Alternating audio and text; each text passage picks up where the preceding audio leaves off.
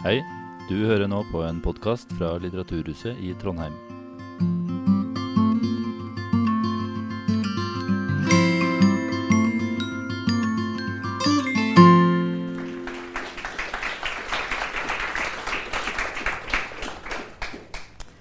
Ja, hei. Uh, mitt navn er Azra Halilovic, og jeg skal være samtaleleder uh, i kveld. Um, samtalen i kveld um, skal handle om utenforskap, diskriminering og rasisme. Og med oss uh, så har vi Camilla Lundestad Joff. Uh, forfatter, dramatiker, samfunnsdebattant og rådsmedlem i Kulturrådet. Velkommen. Takk. Bjørn Hatterud, uh, forfatter, musiker varamedlem i Kulturrådet og kunstkurator. Mm, velkommen. Og Shazia Majid, forfatter og journalist. Velkommen til dere tre. Dere har nå vært her eh, noen dager i Trondheim. Eh, har jeg fått med meg Kam Kamara, har du også vært her? Nei, jeg kom, i, kom dag, i dag med all smitten fra Oslo. Velkommen, hallo. Så hyggelig å være her. vi, vi, ikke, vi, snakker ikke mer om det. Men Bjørn og Shazia, dere har vært her i noen dager. Ja. Mm. Nei, jeg kom i dag. Du kom i dag, ja. men jeg har vært, ja, det er hyggelig. hyggelig å være her. Veldig ja. fint. Ja, det, det, det jeg vet at Du har i hvert fall hatt en uh, samtale om din bok 'Ut av skyggen' tidligere i dag. Så plutselig så har jeg litt, uh, rota litt. Men i hvert fall um, uh, Som sagt, samtalen um, om utenforskap, diskriminering og rasisme Uh, er jo noe som vi burde kanskje hatt uh, lengre tid på å komme i dybden av, men vi skal jo likevel prøve å uh, få tak i noe av det som dere er opptatt av og er engasjert i, og det som også jeg selv er opptatt av å sette på dagsordenen i det samfunnet vi er i dag. Jeg jobber innen kunst- og kulturfelt, og jeg er også minoritetskonsulent i Trondheim kommune. Og eh, er opptatt av de spørsmål som handler om eh, et kollektiv, et kollektivt samfunn. Og jeg er også opptatt av eh, identitet og hvordan, eh, hvordan de ulike eh, hvordan, den, hvordan de ulikheter oss imellom kan påvirke oss både i dagliglivet, i, i, i privatsfæren, men også på systemnivå. Og eh, de utfordringer som vi ser eh, der. Eh, så jeg tenker eh, Kamara, du har jo skrevet en bok som heter eh, 'Jeg snakker om det hele tiden'. Eller tittelen er på nynorsk, men jeg skal ikke prøve meg. 'Jeg snakker om det hele tiden'. Eh, og vi, rett før vi gikk opp uh, på scenen her, så uh, kom vi inn på det å snakke om det hele tiden. Altså, jeg nevnte at uh, i den tiden vi lever i dag, så er det veldig viktig å lytte til hverandre når det kommer til spørsmål om rasisme, f.eks. Uh, veldig viktig å lytte om det. Nå har, jo, nå har mennesker begynt å snakke om det. Og det, det Jeg kom inn og mente at nå har vi begynt å snakke om det. og at det er viktig å lytte om det. Men du sier jeg, jeg snakker om det hele tiden. Hva tenker du om det? Vel, det jeg tenker, er det at uh, um, Nå var det jo selvfølgelig Black Lives Matters-demonstrasjonene og den bevegelsen vi står i nå, som startet i juni i år, som har uh, fått veldig mye oppmerksomhet. Eh, og det er veldig veldig fint. Eh, men jeg tror det som er viktig å huske på, at dette er jo eh, i veldig stor grad definert av majoritetens interesse. tenker jeg. Altså Minoritetene snakker om problematik problematikken kontinuerlig. Og det har vi gjort i 50 år. Eh, men det går i disse eh, bølgedalene når majoriteten er villig til å lytte, når det kommer på dagsorden, når andre er villige til å skrive om det. Og det har jo en tendens til å trende av og på, er vel det jeg ofte ser. Eh, litt på samme måte som at jeg jobber i kunstfeltet, og når jeg kommer med et prosjekt om rasisme, så er det noen som veldig fort kan komme og si at du er den første. Eller dette er det første. Dette er den første boka som handler om dette. Så sier man nei, nei. Det er skrevet 30 bøker, det er laget 40 kunstverk. Det fins folk som har jobbet med dette i 25 år lenger enn meg. Men jeg er populær akkurat nå. Nå blir jeg lytta til. Og så har man ikke tatt seg tid da, til å se på dette i et historisk perspektiv, eller kanskje lytta sist gang. Men man håper jo at folk kaster seg at flere og flere kaster seg på hver bølge, og at neste bølge blir større. Men det at dette liksom ebber av og ebber på, på sitt, det begynner man jo å bli ganske vant til. Og det når man sier at man har liksom disse demonstrasjonene Det hadde vi jo også etter Benjamin Hermansen, etter Johanne Zhangzhia. Det er ikke lenge siden. Vi hadde de forrige diskusjonene om dette. Så jeg tror nok at eh, noen snakker om det hele tiden, og noen snakker om det akkurat nå. Og så håper vi at flere fortsetter å, å være engasjert. Da. Men jeg tror det er viktig å og ikke snakke om og dette, dette jeg i panelet her, håper jeg, så er det ikke jeg som har mest eh, ekspertise på de historiske perspektivene, så det skal jeg overlate litt eh, til noen andre. Men eh, vi snakker jo også om rasisme i Norge som noe nytt nå, veldig ofte. Eller noe som da kanskje kom med, med den pakistanske innvandringen. Eh, og vi snakker om 60-70-tallet, men vi lever jo i et samfunn som både har en urbefolkning, Eh, og flere nasjonale minoriteter som har blitt diskriminert i århundrer. Norge, sammen med Danmark, var en del av den transatlantiske slavehandelen. Hadde kolonier i Ghana, de vestindiske øene, og plassert over hele Asia. Så det at rasisme eh, som tradisjon er noe nytt i Norge, det er litt uheldig når vi bruker å snakke om det som et nytt fenomen. Da. Det er et veldig, veldig gammelt fenomen. Eh, og vi må se på det i en historisk kontekst tror jeg, for å kunne ta et oppgjør med hvordan vi skal forholde oss til det nå. Og det mm. tror jeg er viktig å huske på oppi alle hashtagene. Ja. ja. Shazia, hva tenker du om eh, hva er forskjellen eh, Du har også skrevet boka 'Ut av skyggen', der du tar tak i, i de pakistanske familier som kom til Norge på eh, 70-tallet. som var uh, ja.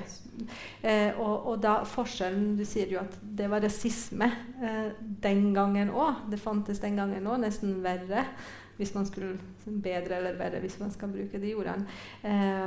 men man snakket om det da òg. Men man, hva er forskjellen på å snakke om det nå, anno 2020, i den, i, den, konteksten som vi er i verden i dag? det det er forskjellen altså Det er mange likheter og en del forskjeller. Det som er viktig å huske, er at um, det var veldig mye uttalt rasisme i Norge og Oslo når pakistanerne kom på 70-tallet. Indre pakistanere, tyrkere og marokkanere. Vi, vi, glemmer det, og mye av det har vi heller aldri hørt om. Jeg uh, fant ut av det når jeg gjorde research til boka mi og bladde gjennom gamle avisartikler. og jeg jeg tror på en måte det å kunne sin egen historie er kjempeviktig eh, i den diskusjonen som vi kommer til å ha gående eh, i all evighet. fordi vi, vi, er jo ulike mennesker som bor sammen. Tettere og tettere, flere nasjonaliteter, større mangfold. Det er en dis levende diskusjon som kommer til å pågå. og Da er det viktig å se at det, det fins en rød tråd her, eller at det har vært eh, Når pakistanere kom, så var det en sensasjon. De var få, veldig veldig få, men det var en sensasjon. Og det, forskjellen på den gang og nå er at sånn jeg ser det, så Eller man kan kanskje unnskylde noe av det som skjedde på 70-80-tallet med at man ikke visste bedre. E, eller at man ikke var vant til rett og slett mørkhudede innvandrere. Og, den gangen så var det både bombeangrep, og det var Folk ble slått ned på gata, folk ble drept. Det var uh, stygt. Um, og så var det også en form for systematisk systemisk rasisme fordi at Her tenkte jeg Hvis, hvis vi har eh, noen, et par minutter, så kunne jeg lest eh, et lite ja. avsnitt fra boka mi. For det handler om uh, hvor utrolig vanskelig det var for innvandrere. Eh, fremmedarbeidere ble de kalt, og skaffe seg bolig i Oslo.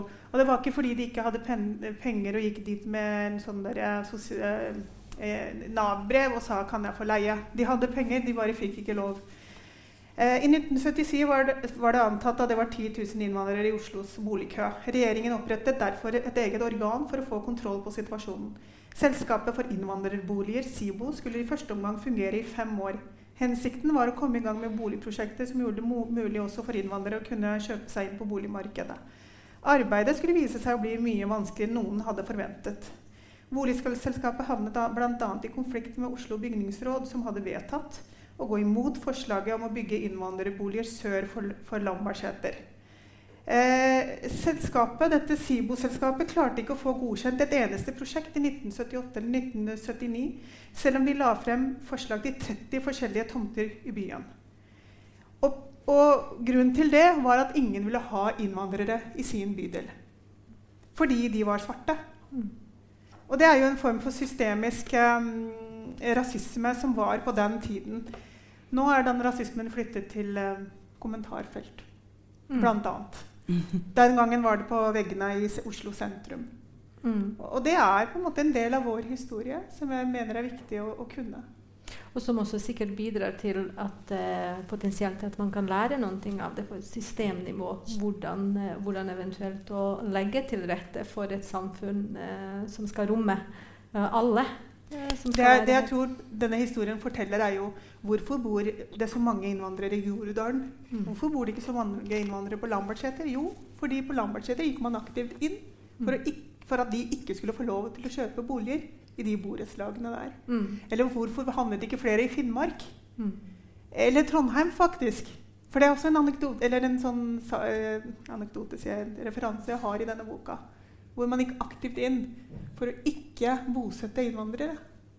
Så det er liksom ingen tilfeldigheter. Aktivt inn for å holde dem et visst sted, så, ja, som man har på en måte Oslo, kontroll på det. Og Drammen. Ja. Men nå snakker vi Jeg, jeg, jeg klarer ikke, å komme inn på tema klasse.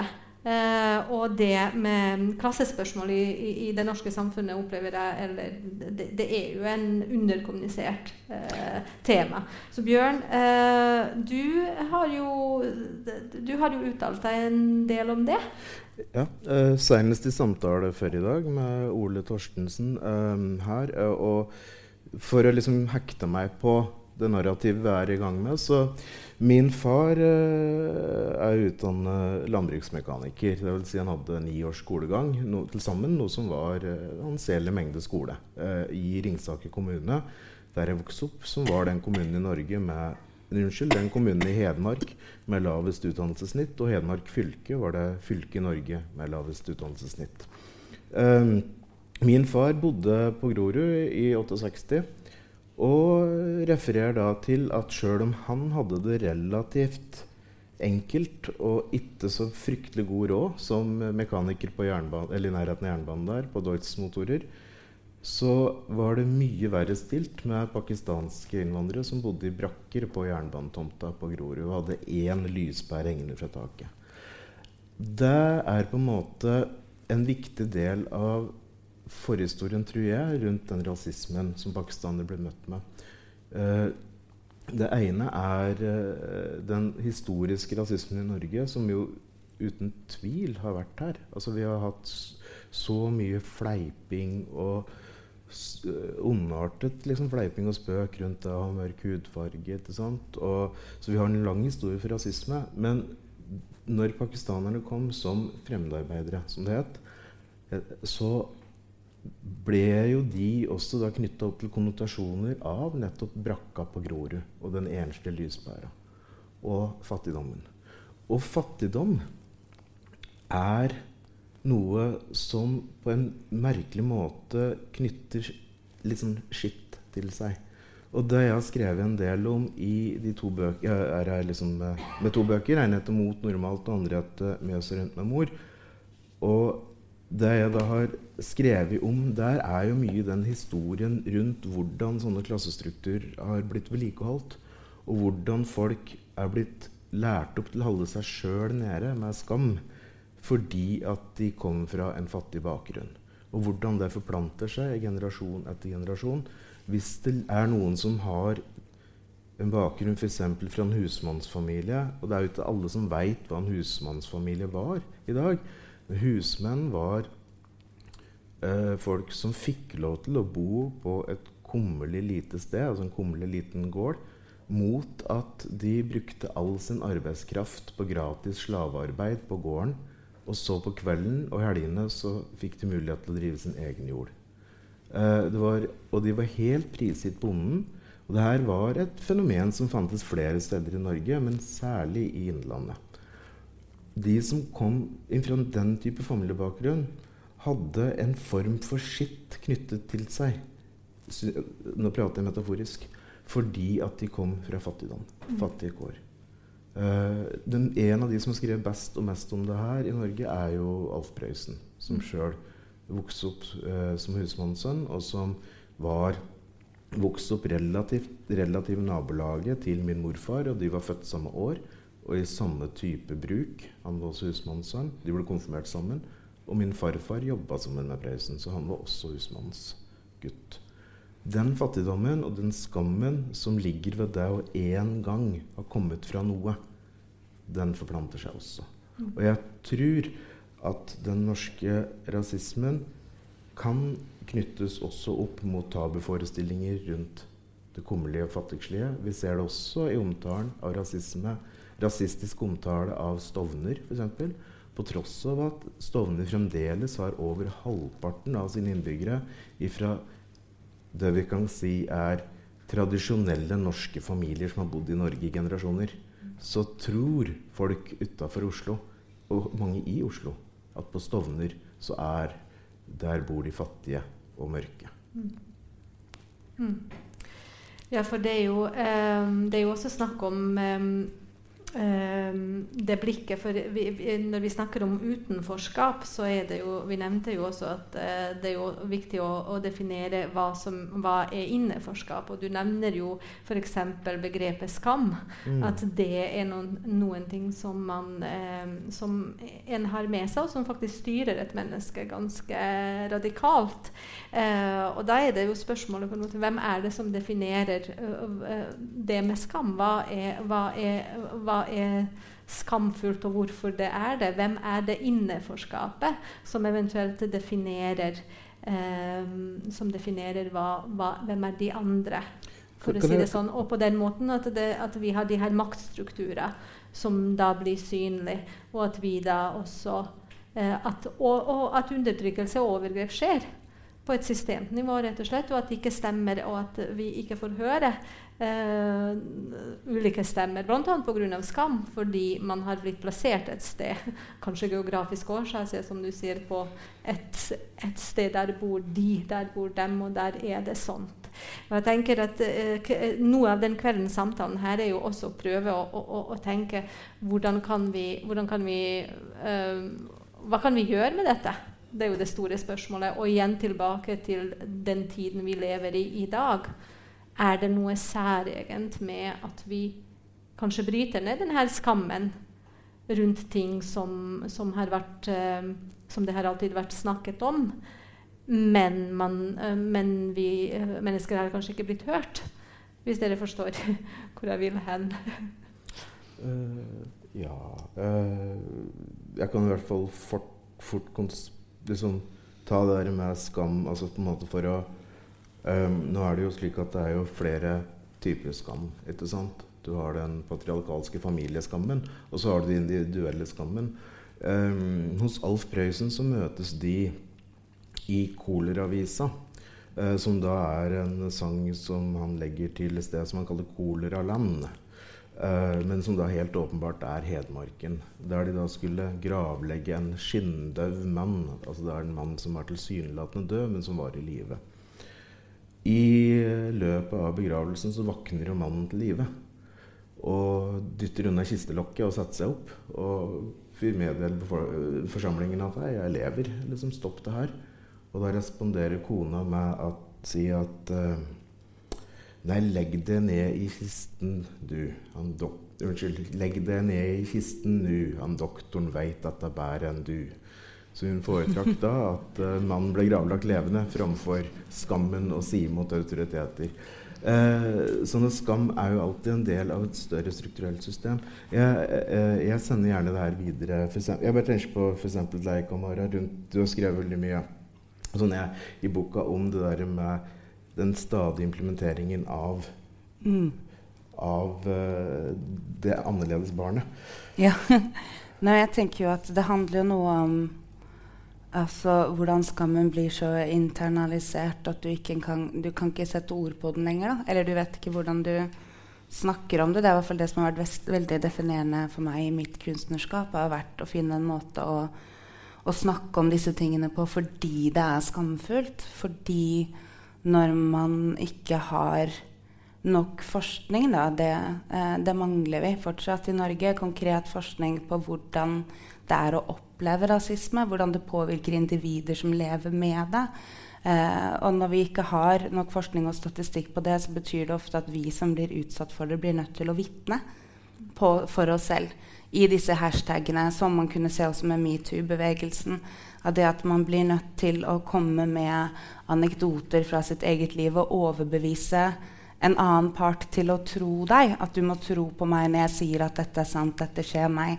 Men det er veldig sjelden enkelt å bevise at man har opplevd noe, med mindre man ser på kan føre eh, systemisk eh, statistikk på det. Eh, hente historiske dokumenter. Eh, og jeg tror det å finne det språket og den ydmykelsen som ligger i å skulle finne et språk og artikulere for seg selv til noen andre At vi blir ikke sett på likt. Og jeg trenger at du tror på meg når jeg sier det. Mm. At det kanskje er også en av de det som har vært en av de store utfordringene i mitt liv, men som også selvfølgelig har vært en befrielse i den siste tiden. For det at man slipper å være den ene stemmen, man slipper å være den ene anekdoten. Men at det kommer eh, statistikk, fakta, men også liksom et kor av stemmer da, mm. eh, som snakker eh, samtidig eh, mm. om det samme. Eh, jeg tenkte kanskje jeg skulle eh, prøve å også lese noe høyt. Mm. Velge noe kort. Nå heldigvis en veldig kort bok. Den er en skarve 94 sider. Men uh, for å Ja. Skam. Ok. Bunad del 1. Eh, vi har en bunad i familien. En barnebunad. En nordlandsbunad. Den er brodert av Inga Rørvik. Hun er ei av de tre kvinnene som står bak designet. Nordlandsbunaden er den bunaden som flest ganger uoffisielt er blitt kåra til Norges vakreste. Nå snakker jeg ikke om den grønne, jeg snakker om den blå. Dette er viktig. Barnebunaden vår går på omgang i slekta til de som har store nok barn til å bruke den. Da jeg var seks år, var det min tur. Mormor går for å ta ut penger i minibanken. Jeg står på Kvaltorget i Sandefjord og skinn. Jeg svinger med skjørtet. Jeg har ikke på meg kysa. Det er 17. mai. Og to kvinner, de er eldgamle i minnet mitt, er de minst 100 år, de kommer bort til meg og kommenterer bunaden min. Så du har på deg nordlandsbunad, du? Ja, svarer jeg og legger ut om at den har vært i slekta alltid, og at når noen er gamle nok, så får de bruke den, og jeg er gammel nok for jeg blir sju år om to uker, og jeg spinner rundt i den og viser meg fram. Den ene kvinna gir meg et rapp på armen med paraplyen sin. Hun forteller at jeg har ingenting i den bunaden å gjøre. Det er respektløst av meg å bruke den. Jeg har inga rett, sier hun. Så et rapp til på armen. Jeg burde skamme meg over å stå og skryte så hemningsløst av noe som ikke er mitt. Jeg gnir meg på armen og stirrer på henne. Så kommer mormor bort springende, svingende, og hun slår den ene dama med veska si og hytter med neven og ber deg dra til helvete og roper at det er deg som burde skamme seg. Og damene styrter av gårde, og mormor er en superhelt, og hun er rasende og kjærlig, og hun tørker tårene mine og tar meg med på tivoli. Og sjøl om jeg kommer fra en sukkerfri heim, kjøper hun to hele sukkerspinn til meg. Og jeg et begge og blir så kvalm at etter karusellen så kaster jeg opp på bunaden. Når jeg forteller denne historien, er som oftest ubehaget til lytteren så sterkt at stemninga blir spent fram til mormor dukker opp og redder dagen, og det kommer oppkast på bunaden. På dette symbolet som kanskje ikke betyr så mye likevel. Når historien er ferdig, sitter vi igjen og er letta. Sjokk og vantrum, men òg ei lattermild lette. Vi ville være mormor i denne historien, får vi lov til å tenke. Vi er alle så takksomme for mormor, for om det fins ei mormor, så får vi være henne og ikke damene, og aldri dama som slo med paraplyen. Men hva med venninna hennes? Hun som ikke sa noe? Stilla henne var like aktiv som paraplyen for meg. Men mormor kom først etterpå, etter at damene hadde gått. Det er en helvetes kø framfor minibanken 17. mai. Det fantes ikke VIPS på 90-tallet. Mormor kunne ikke noe for at hun ikke var der, like lite som jeg kunne noe for at jeg sto der. Og da mormor kom, så sa jeg ikke noe. Og siden jeg ikke sa noe, kunne hun heller ikke gjøre noe. Men rappa på armen var ikke så harde, og det tok ikke lang tid før jeg slutta å gni på deg og blei distrahert av borgertoget. Men jeg la inn mormor i historia nesten helt i byrringa da jeg som tenåring begynte å fortelle om det som hadde skjedd. For uten mormor er ikke historia til å bære. Ikke for den som hører historia, og heller ikke for meg sjøl somme ganger. Da er det atter en gang bare noe som har skjedd meg. Formålet med historia blir å si dette skjedde meg. Dette skjedde meg som lita da jeg ikke hadde noen ord. Jeg hadde ikke noe språk til å forklare det for noen, så jeg sa ingenting. Og som voksen er jeg sint. På vegne av jenta i nordlandsbunad er jeg sint, og jeg vil fortelle det til deg. Det er viktig for meg at du forstår hvorfor jeg er sint. Men jeg vil ikke være hun som igjen innleier samtalen med noe som har skjedd henne. Dette skjedde i meg. Som igjen får alt å handle om meg og hudfargen min. Så historia den handler om at mormor var en superhelt. Noen ganger for de skyld, men kanskje mest for min egen. Men jeg tror at det Det er iallfall en av de tekstene som jeg tror for min del eh, Hvor jeg har klart å sette ord på hvordan man balanserer både det å skulle vitne, det å skulle gjenfortelle, men også den skammen du bærer på, over at du har framprovosert noe som kan skje med deg. Det at man som liten ikke klarer å sette dette inn i et system, inn i en historisk kontekst. At man til slutt plasserer skylda ikke der den hører hjemme, mm. men på seg selv. Da. Og det er kanskje noe av det jeg håper skjer i, i, i, den tida vi lever nå. At vi har blitt flinkere og flinkere til å prøve oss å sette den skammen og den skylda hvor den hører hjemme. da. For det er jo en slags uh, internalisering av den andres blikk, som mm. på en måte i utgangspunktet ikke er din egen opplevelse av deg, men som blir en del av deg. Og Skjæsi, du har også skrevet en del om ære, uh, tenker jeg, i den forbindelsen når vi tar opp temaet skam. Uh, har du noen tanker og hva det gjør med et um, um, um, ja. jeg vil først og fremst si at det jeg syns er veldig befriende, i 2020, er at det, det, er så mange så gode stemmer som snakker, snakker så åpent og så ærlig om, om, skam og om å bli utsatt for eh, både, eh, både, veldig åpen rasisme og, og eh, noe som andre ikke ser på som rasisme, men som treffer deg. Den første generasjonen av innvandrerbarn som jeg tilhører, eh, og dette gjelder tror jeg veldig mange innvandrerbarn, er at du vokser opp med at noe er defekt med deg. Du har en funksjonshemning i form av din hudfarge eller din kultur eller religion. Eller alle tre, pluss kjønn. Eh, og så skal du kompensere for det. Det er det som preger min generasjon, særlig kvinner. Og vi kompenserer for det med å være så sabla dyktige. Være, det er sånn vi skal hevde oss. Ved å, å prestere. Sånn at, uh, sånn at uh, majoritetssamfunnet glemmer hudfargen vår.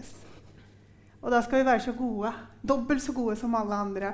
Men jeg har jo opplevd som journalist i VG eh, at, jeg, at folk har sett på meg Og jeg har også hørt det eh, bli sagt at jeg er VGs innvandreralibi.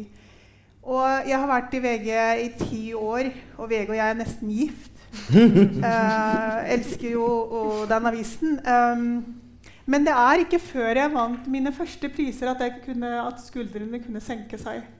For din egen for, for, for min egen del, ja. Mm. For, for da, jeg, da, var det ikke noe mer å bevise. Men inntil du får en nøytral eh, medalje rundt halsen, så har du hele tiden det der presset da, om at se forbi nå, se meg forbi nå, mm. hudfargen min, og, og at jeg er en kvinne og at jeg er muslim. Så, så, det er jo noe man bærer med seg, selv om kanskje ikke andre ser alvoret i ting de sier. Mm. Og det er ikke, jeg må innrømme det at det er ikke så veldig mange reelle rasister jeg har møtt i mm. Norge. Jeg, I min personlige opplevelser. Så det, selvfølgelig Når jeg er journalist, så er det veldig mye rart i kommentarfelt og i, i innboksen osv. Det er jo naturlig. Og veldig mye er eh, rasistisk, ikke sant? Men, men um, det er veldig få direkte rasistisk jeg har uh, hørt og møtt. Det er mer uh, uvitenhet, og at man ikke skjønner at det du sier, det former et lite barn. Mm. Uh, og, og, egentlig hele liksom, vedkommendes Men det er, det er, som sagt den store lettelsen for min generasjon. Det er det første mørkhudede barna i Norge Jeg vil ikke ha denne diskusjonen at folk har vært sinte, og ungdommen er rasende, og, og vi har demonstrasjoner. Jeg synes det er Vi trenger det. Vi trenger å komme videre. Mm. For mye er det samme. Det er bare en annen språkdrakt. Mm. Vi har nye betegnelser og sånn, men vi snakker om noe veldig mellommenneskelig. Mm. Og akkurat det du sier med, med, noe som er mellommenneskelig Min tanke um, rundt det er hvordan altså Som minoritetskonsulent så kan jeg også oppleve at uh, det jeg snakker om, den temaet jeg jobber med, blir veldig den tema for noen andre, for de andre, for minoritetsmiljøer. Og jeg kan oppleve det som krevende og vanskelig å adressere at dette Hvis vi ser i det rommet her nå, uh, basert på mine fordommer, da, så vil jeg jo tippe at det er veldig mange som sitter her etnisk norske. Basert på fordommer, og så kjenner par-tre stykker. Da. Men uh, ellers så ser jeg, så tenker jeg ok, de fleste er jo Hvordan det vi uh, Og nå er jeg Jeg identifiserer meg som en del av dere og de problematikker som dere tar opp. Hvordan kan de erfaringer, de opplevelser, det vi snakker om, hvordan er det relevant for alle? Hvordan er, det, hvordan er det, noen ting som Og hvordan kommunisere det? Hvordan, hvordan, er det her en sak som gjelder oss alle? Og det er jo der jeg, jeg kommer inn på denne tanken om en felles identitet. For Norge, altså Diakan, eh, har jo nevnt det i en samtale eh, under Olavsfestdagene, at eh, Norge blir nok aldri eh, hvite igjen på den måten som man var vant med. Så det er jo bare å deale med det. Vi må deale med det alle sammen. Så det er en ny eh, kall det nasjonal identitet vi snakker om.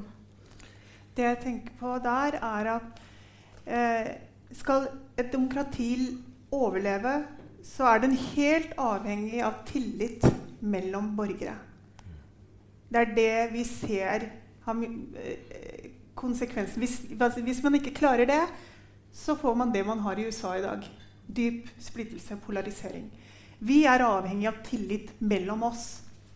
Og hvordan skaper vi den tilliten? Det er jo det som er helt avgjørende. Og det skaper man faktisk i fellesskolen. Altså For meg så er det en stor kampsak at, at vi eh, ser viktigheten av skole.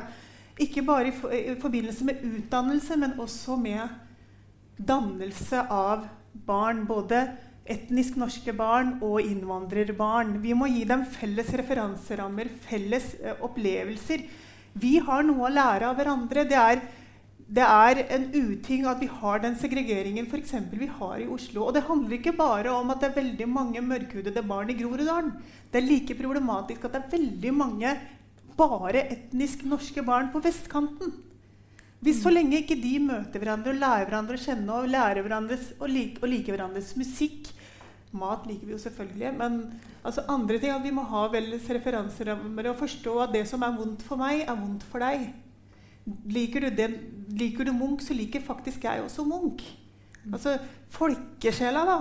Vi, vi, må skape en ny folkesjel. Mm. Fordi at Norge blir aldri Vi er et multikulturelt Multi, nei, det er kanskje feil å si.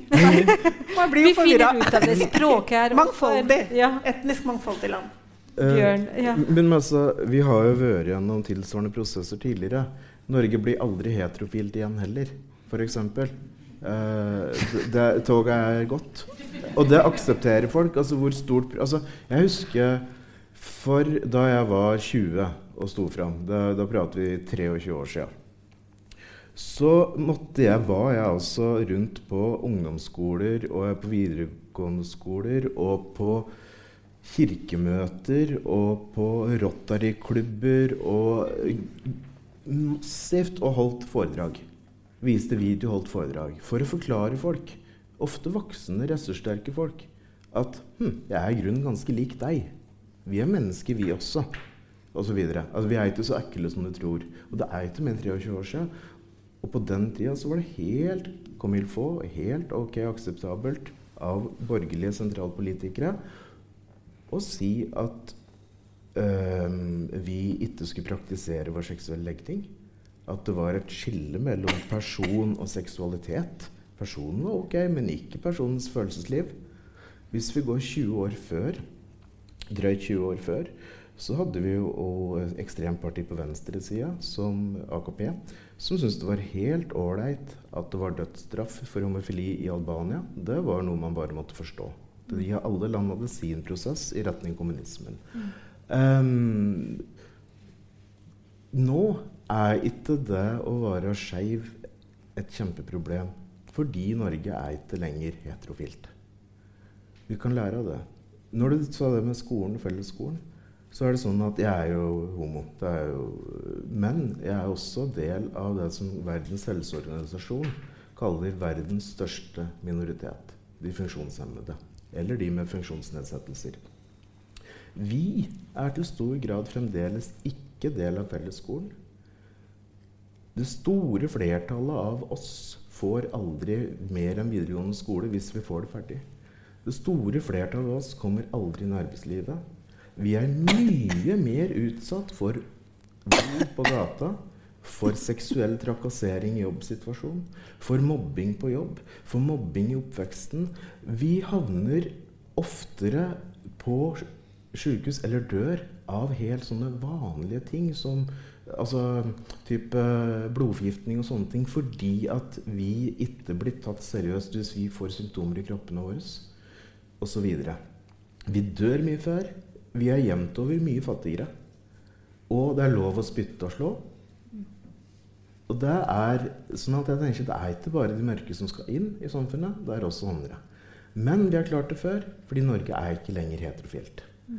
Og da skal jeg ta, også, ta deg tilbake til da jeg sto fram som homo. Jeg vokste opp i ei bygd nord for Brumunddal. Men jeg gikk på videregående i Brumunddal. Og Brumunddal har jo, for de som er uh, de som har levd en stund, het det gamle dager. Uh, min alder og eldre husker da Brumunddal som uh, et sted der det var mye rasisme. der var det, når folk prater på muslimsk terrorisme, så glemmer de all den høyreekstreme terrorismen vi har hatt i Norge. Og en del av den utarta seg i Brumunddal. Der var det butikken til Gulanabi ble sprengt med dynamitt. Biler ble sprengt med dynamitt. Folk ble slått ned på åpen gate osv. Det var det nærmeste tettstedet til der jeg vokste opp. Og der sto jeg frem som homo noen få år etterpå. Dette var altså plassen jeg valgte å stå frem som homse. Og jeg gjorde det aktivistisk. Jeg prøvde å skrulle. Altså er å opptre som påtatt feminint. Jeg delte ut brosjyrer. Jeg prøvde å kle meg homo. Sett i ettertid gjorde jeg alt gale.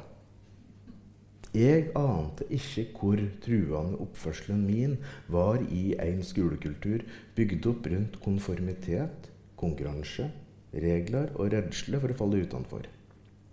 En kultur og en konkurranse jeg sjøl faller ut av grunna funksjonshemmingene mine. Min homoaktivisme var et forsøk på å finne en sosial rolle jeg kunne passe inn i. Men jeg var for ung til å forstå at denne sosiale rolla samtidig utdefinerte meg ytterligere fra fellesskapet jeg ønska meg inn i. Det ble stille først. Jeg oppfatta det som stille aksept. I ettertid er det lett å le av denne dumheita. Stormer bygger seg opp i det stille. Jeg skulle få straffa for dumskapen min noen få veker seinere. Jeg gikk på skolen med friskt mot. Hver gang jeg gikk forbi gjengen på mekaniske fag, fikk jeg slengt drit etter meg. Men jeg gikk der stolt. Jeg var nyfiken, deltok sosialt, og jeg skulle endelig være russ etter fem år. En del gutter i klassa mi og på allmennfag ellers hadde investert matchende T-skjorter med teksten 'Sammen er vi sterke'. Punktum, punktum, punktum. Jeg ville òg ha ei slik T-skjorte. De sa at punktuma i teksten skulle stå for øl, damer og fotball. Men ingen fortalte meg hvor jeg fikk kjøpt slik ei T-skjorte. Et par veker gikk. Jeg fikk, en, jeg fikk en lapp i en time av ei jente. Jeg veit du har fått høre om T-skjortene. Jeg vil bare at du skal vite at ikke alle er like homofobe som deg. Jeg forsto ikke. Noen måtte forklare det for meg. T-skjortene som guttene bar, var retta mot meg. Punktum i teksten sto for hetero. Det var en intern uniformering for at guttene skulle kunne markere sin heterofili og avstand mot meg. De, de var ca. 20 personer, de var sterke sammen mot meg. Et hålt mørke åpna seg i meg. Alle hadde visst. Klassestyrer, rektor, klassekamerater, venner i vekevis. Det ble forsøkt ordna opp i uten at jeg skulle få vite. Guttene fikk ingen straff. Jeg følte meg som en drit. Jeg fikk et fravær som må være et av de høyeste i norgeshistoria. Da jeg nærma meg inngangen på skolen, opplevde jeg òg etterpå at ei stemme i gruppe på 30 elever ropte 'Nå kjem hatrehomoen, nå tør ikke jeg stå her lenger'. Og alle gikk inn. Folk ble kvalma av meg, fikk jeg høre. I russetoget, og her prater vi altså 1998 i russetoget der jeg gikk og solgte aviser, ble jeg ropt etter, bedt om å dra til helvete, om å fjerne meg. De trong ikke be to ganger. Jeg flytta til Oslo ikke lenge etter. Takk. Ja um det har skjedd litt på 20 år der. Og, jeg tror at uh, vi, hvis vi har et litt historisk blikk og litt oversikt, så støtter jeg selvfølgelig alle forsøk nå på å adressere de problemene som helt åpenbart er her. Mm. Eh, og jeg tenker også at eh, den skeive strategien med en sint aktivistisk knyttneve på ene sida og en evighet av tålmodighet der man forklarer og forklarer mm. og svarer og svarer og forklarer og forklarer og svarer og svarer og prater med de som har de dumme spørsmåla. Kanskje det også kan fungere en gang til. Absolutt. Det er jo en tema som vi ikke rekker å komme inn på. Det er jo egentlig språket, som dere alle tre snakker om. Hvordan, hva slags språk bruker vi når vi snakker om de temaene eh, som vi tar opp her. Og det er jo en egen, eh, egen debatt. Og dette som du, Shazia, påpeker, vil jeg jo gjerne avrunde denne samtalen om, og det er jo demokratiet. Det å ikke ta demokratiet for gitt og at det er, det er, oss mennesker som skaper det, det er oss mennesker som er en del av det, og som bygger det. Og på den måten så påvirker jo de temaene her alle oss. Og som du sier, eh, se forbi de ting. Det er ikke alle som kan skjule seg bak et navn, bak et utseende, bak et bakgrunn. Eh, og det er mange som kan. Det er mange som kan skjule seg bak det å gå forbi og ikke være synlig. Og så er det mange som er synlige av ulike årsaker som de ikke har noe kontroll over. Det er ikke noen ting. Og, at det skal skape de skjeve maktbalanser, og at det skal være premisser for et samfunn der vi hersker, på en måte. og Det er jo heftig gjenspråket, heftig ord å bruke, men i, på mangel av et bedre ord så si 'herske over hverandre'. Sette hverandre i skam og skyld, og på den måten heve oss over hverandre, det er en farlig vei å gå. Spesielt når det kommer til demokratiet. Og jeg vil tippe at alle vi som sitter i det rommet her, nyter jo av det demokratiet som er. Um, så jeg tenker har dere Helt på tampen så er det har nesten lyst til å stille et sånn veldig naivt spørsmål. Går det her bra? Hva er deres tanker om framtida? Altså Sjøl om vi lever i et så prekært som du Bjørn sier på den ene sida, nå er det nok, nå orker ikke vi snakke om, nå, nå trenger vi handling. Bl.a. fra majoritetssamfunnet. Men, men um, Og det er mye. Vi har uh, miljøkollapse. Vi har valget i USA snart, og vi har korona. det er mye som kjennes veldig, uh, veldig prekært i den verden vi lever i. Uh, men er vi håpefulle? Jeg er det, fordi at uh, dette er Norge, og vi er nordmenn, og vi er rike. Jopp. Det hjelper. Ja, men det gjør det. Vi har muligheter. Vi har muligheter, og det er noen skrekkscenarioer og skrekkbilder av Groruddalen, men det går veldig bra i Groruddalen. Fordi alle, alle eier sine egne boliger. Mm. Innvandrerbarna gjør det bra. Vi har en velferdsstat. Vi har fellesskolen. Vi har noen fellesgoder. Vi må hegne om velferdsstaten, og vi må hegne om demokratiet. Og det gjør vi ved å skape tillit det som jeg syns er problematisk, er at jeg noen ganger føler at den offentlige samtalen noen ganger føles som har brutt ned. Men da tar jeg meg sammen og så sier at dette her er fakt... Vi um, På samme måte som korona, vi gjør det på en måte best i Europa på det. Og det er stor grad av uh, Faktisk veldig stor grad av tillit blant borgere i Norge. Men vi må hele tiden jobbe med det. Mm. Fordi at vi blir mer og mer mangfoldige. I Oslo er 1 av, 33% med utenlandsk bakgrunn. Det krever mer av oss alle sammen aktivt. Og der er jeg helt enig med deg i både aktivisme og at du, det at du aldri gir opp. Det er jo derfor vi skriver disse bøkene. For dette er en samtale vi må ha. Vi må kjenne hverandre bedre. Og, og vi må bare se på hverandre som feilbarlige mennesker. Og ikke ta alt i verste mening. Bjørn, håpefull? Ja, jeg er det. Jeg gleder meg til framtida. Eh, jeg tror ting blir veldig bra. Og jeg bor i Groruddalen. Jeg stortrives der. Jeg har kontoret mitt Nannestad i Groruddalen, og det er stort sett der jeg er. Og jeg syns det er en kjempefin plass. Mm. Sånn at uh, det er ja, jeg tror det er Og større forståelse og mange flere muligheter for å Det er jo blitt så stusslig store deler av Oslo sentrum, der det er blitt så gentrifisert og hvitt og eh, rikt og polert og speilblankt og fint. Uh, og velfungerende og sånne ting. Sånn at jeg syns det er fantastisk å være et område der det fremdeles finnes grønnsaksbutikker, f.eks. Uh, der jeg fremdeles kan møte folk i flekkete joggebukser om morgenen. Eh, liksom på vei til å kjøpe øl klokka åtte. Altså der det er et mangfold av folk tett innpå. Så det er helt fantastisk. Takk. Kamara. Kan ikke komme og være sånn pessimist på slutten. Det, Alt går til helvete. Nei, altså For å være helt ærlig så tenker jeg, jeg tenker veldig mye på det. Uh, jeg tenker mye på at jeg er en uh, uh, skeiv, brun kvinne oppvokst under fattigdomsgrensa i Norge. Eh, og det fins inget punkt i historien det hadde vært bedre for meg å leve enn akkurat nå. Det er jo en anerkjennelse. Eh, samtidig så er jeg redd for at vi går bakover hvis vi ikke er årvåkne og på vakt. Jeg er også veldig bekymra for sammenbruddet av den offentlige samtalen. Eh, men jeg vet da faen, jeg. Jeg ser så sinnssykt mange mennesker som jobber så aktivt for å sørge for at det ikke skjer. Jeg har ennå ikke møtt noen som har gitt opp. Så det betyr jo at man eh, ikke kan gi opp sjæl. Så jeg føler i hvert fall at det er veldig mange stafettpinner der ute som driver og blir delt ut og delt rundt. Eh, og jeg ser en, en voldsom mobilisering da.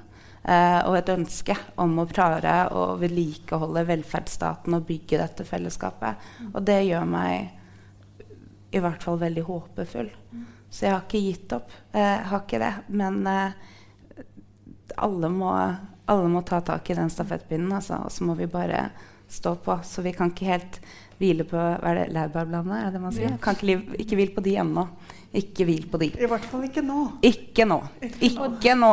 Og det er jo kanskje et avsluttende veldig fine, fine, ord. Mobilisering. rett og slett. Ja. Det gjelder oss alle. Både mobilisering og rett og slett um, organisering. Ja, Trekk pusten og reformuler, altså. Mm. Det er det eneste vi kan Så gjøre. Så det er egentlig en oppfordring til oss mm. alle som sitter her.